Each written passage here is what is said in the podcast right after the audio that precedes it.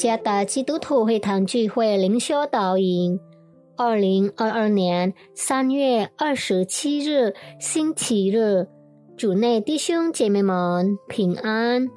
今天的灵修导引，我们会借着圣经路加福音第十四章第二十五节到二十六节来思想今天的主题。没有其他的，作者。爱而发传道，路加福音第十四章第二十五节到二十六节，有极多的人和耶稣同行。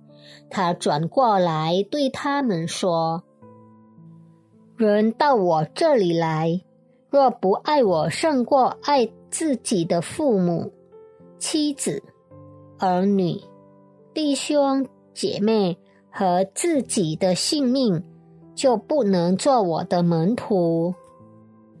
在世界上大多数宗教的信仰中，赎罪被认为是人类努力悔改以获得他们神明的饶恕。例如，伊斯兰教教导说。可以透过悔改来从最终解脱。在伊斯兰百科全书中，悔改的功能和目的不仅是赎罪，也是亲近真主的一种方式。另一个例子，犹太教教导透过焚烧赎罪祭、进食、施舍。和学习律法来赎罪。他们认为赎罪需要人的努力，基督教的教导却不同。耶稣教导倡议悔改的不是来自人，而是神。上帝差遣他的独生子为人类赎罪，死在十字架上。如果耶稣是我们唯一的救赎主，我们是让他成为生命最重要的唯一，还是只成为最重要的其中之一？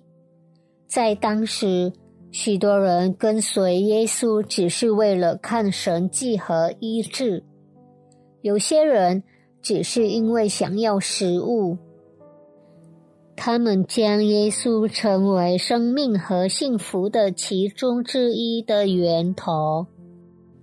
然而，耶稣说，跟随他意味着要恨家人，甚至恨自己的性命。当然，恨家人是与耶稣其他的教导冲突。参看马太福音第二十二章第三十九节。那么，恨家人意味着什么呢？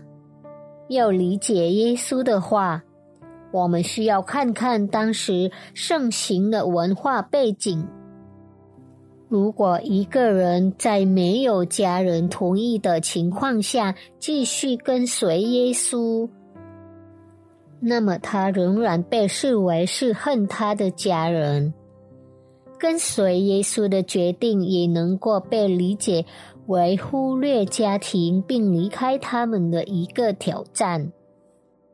这就是必须做出最关键决定的要点：愿意离开家庭而跟随耶稣，或者选择家庭而离开耶稣。在家人反对下跟随耶稣的决定，并非容易的事。例如，即使我们受到家人的禁止，但仍然决定到教会做礼拜并受洗，结果我们被家人仇视，甚至受迫害。让耶稣成为生命中最重要且唯一的，确实有被家人憎恨的风险，尤其。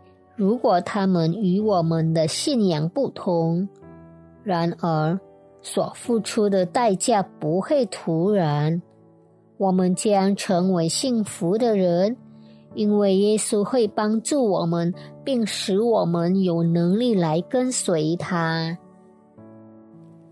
基督门徒的幸福，就是让耶稣成为他生命中唯一重要的一位。